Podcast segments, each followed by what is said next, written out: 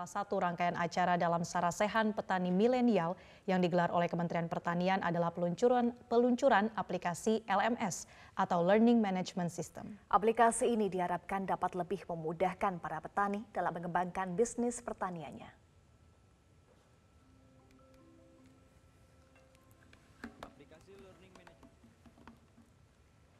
diluncurkan bertepatan dengan pembukaan Sarasehan Petani Milenial di Makassar, Sulawesi Selatan. Acara peluncuran tersebut dihadiri langsung oleh Menteri Pertanian Sahrul Yassin Limpo dan pejabat eselon 1 dan eselon 2 lingkup Kementerian Pertanian serta ratusan petani milenial dari berbagai wilayah di Indonesia. Kepala Pusat Pendidikan Pertanian Ida Widi Arsyanti mengatakan, aplikasi Learning Management System merupakan salah satu inovasi dari Kementerian Pertanian yang dibuat untuk bisa mengikutsertakan semua petani milenial dalam mengakses modul-modul terbuka secara online dengan mudah di mana pun dan kapan pun.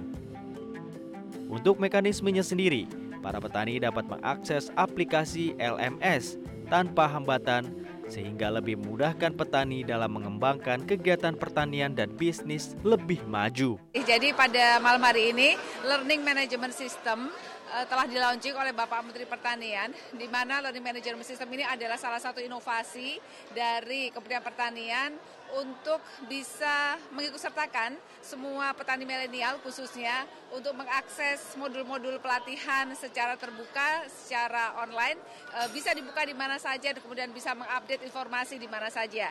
Kami membuat mekanisme untuk para petani milenial tersebut dapat membuka, dapat selalu meningkatkan kapasitasnya tanpa ada hambatan transport, ada tanpa ada tam, uh, hambatan uh, apa misalnya tempat dan sebagainya. Sehingga di mana pun mereka berada uh, mereka bisa mengakses uh, beberapa modul-modul pelatihan meningkatkan kapasitasnya untuk kemudian bisa meningkatkan skala usahanya meningkatkan kegiatan pertaniannya dan bisnisnya bisa lebih maju lagi dalam rangka mendukung kemajuan sektor pertanian di Indonesia.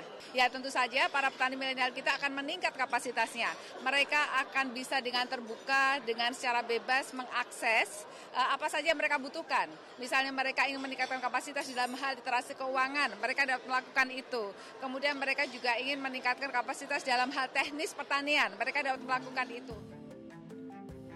Lebih lanjut, Ida Widi Arsyanti mengatakan bahwa dengan adanya aplikasi Learning Management System tersebut, para petani dapat lebih meningkatkan kapasitasnya dan mengembangkan usahanya, di mana petani secara bebas bisa mengakses apa saja yang mereka butuhkan.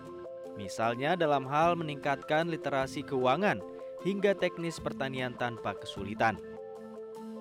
Sebelum resmi diluncurkan, Kementerian Pertanian bersama dengan pihak terkait telah mensosialisasikan aplikasi Learning Management System secara berjenjang mulai dari UPT di daerah, Polbangtan, Balai Pertanian, Dinas Pertanian, hingga ke penerima manfaat yakni petani milenial. Pemirsa tiga tahun kategori Nindya Kota Semarang akhirnya raih penghargaan Kota Layak Anak kategori utama tahun 2023 pada acara penganugerahan kota Kabupaten Layak Anak minggu malam di Semarang, Jawa Tengah. Wali Kota Semarang, Hevea Rita Gunaryanti Rahayu, mengaku senang dan bangga atas hasil yang telah dicapai. Kota Semarang berbangga diri karena pada akhirnya mampu menyabet penghargaan Kota Layak Anak tahun 2023 kategori utama setelah sebelumnya selama tiga tahun berturut-turut memperoleh kategori Nindya. Wali Kota Semarang, Hefe Arita Gunaryanti Rahayu menerima langsung penghargaan tersebut yang diserahkan oleh Menteri Pemberdayaan Perempuan dan Perlindungan Anak, Bintang Pospayoga di Hotel Padma Semarang, Jawa Tengah. Mbak Ita mengaku senang dan bangga atas hasil yang telah dicapai. Dirinya mengatakan selama tiga tahun berturut-turut kota Semarang mendapatkan kategori Nindya dan tahun ini bisa naik ke peringkat KLA kategori utama. Meski belum pada tahap akhir yakni kota layak anak. Meski demikian, ia tetap bangga akhirnya kota Semarang bisa mendapat kategori utama. 11 ya penganugerahan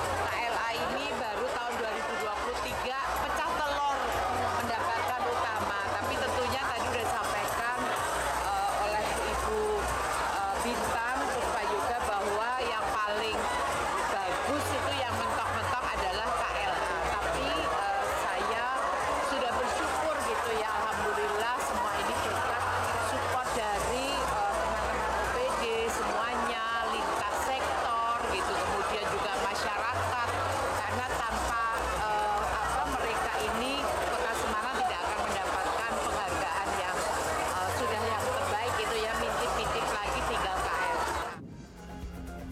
Wali kota perempuan pertama di kota Semarang itu mengatakan bahwa penghargaan yang didapatkan tersebut adalah hasil kerja keras lintas organisasi perangkat daerah dan juga pemangku kebijakan terkait. Dirinya tidak menampik jika selama satu tahun ini berupaya keras untuk bisa meraih kategori utama dengan melengkapi poin-poin yang bisa membawa kota Semarang dalam kategori utama. Ke depan pihaknya akan terus berupaya untuk mempertahankan dan bisa membenahi kekurangan-kekurangannya sehingga nantinya bisa meraih predikat kota layak anak. Nantinya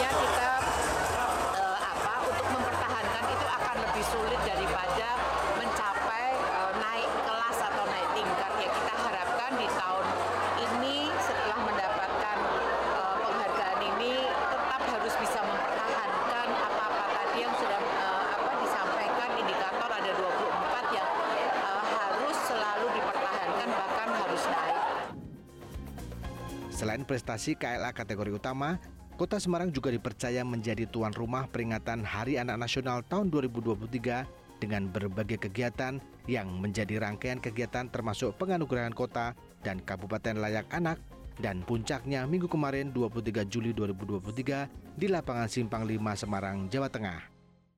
Pesta KPR 2023 Sumarekon Serpong kembali hadir menawarkan berbagai macam promo menarik pembiayaan hunian. Festival ini merupakan kali ke-6 Sumarekon Serpong menghadirkan solusi pembiayaan hunian bagi masyarakat yang digelar di Sumarekon Mall Serpong dari tanggal 21 Juli hingga 30 Juli 2023. Pesta KPR 2023 Sumarekon Serpong yang digelar ke-6 kalinya menawarkan berbagai macam promo menarik pembiayaan hunian.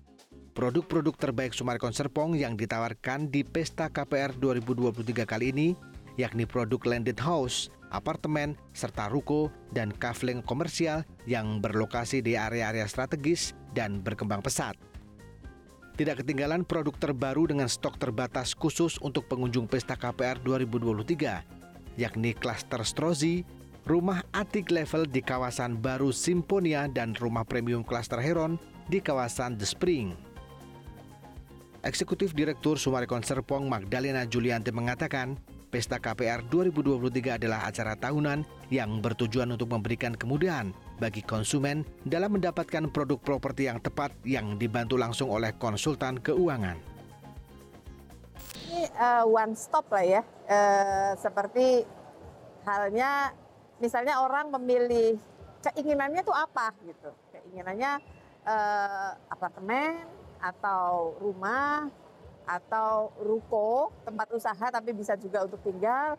Nah ini bisa dikonsultasikan ke para uh, konsultan kita yaitu para agent yang ada di sini dan juga uh, sales marketing kita itu karena mereka bisa uh, menjelaskan uh, dan membantu konsumen-konsumen untuk memilih produk properti yang tepat setelah itu juga dikombin dengan para konsultan uh, uh, finansial, yaitu dari bank ya, yang bisa uh, memberikan input berapa uh, pembiayaan yang bisa mereka uh, berikan.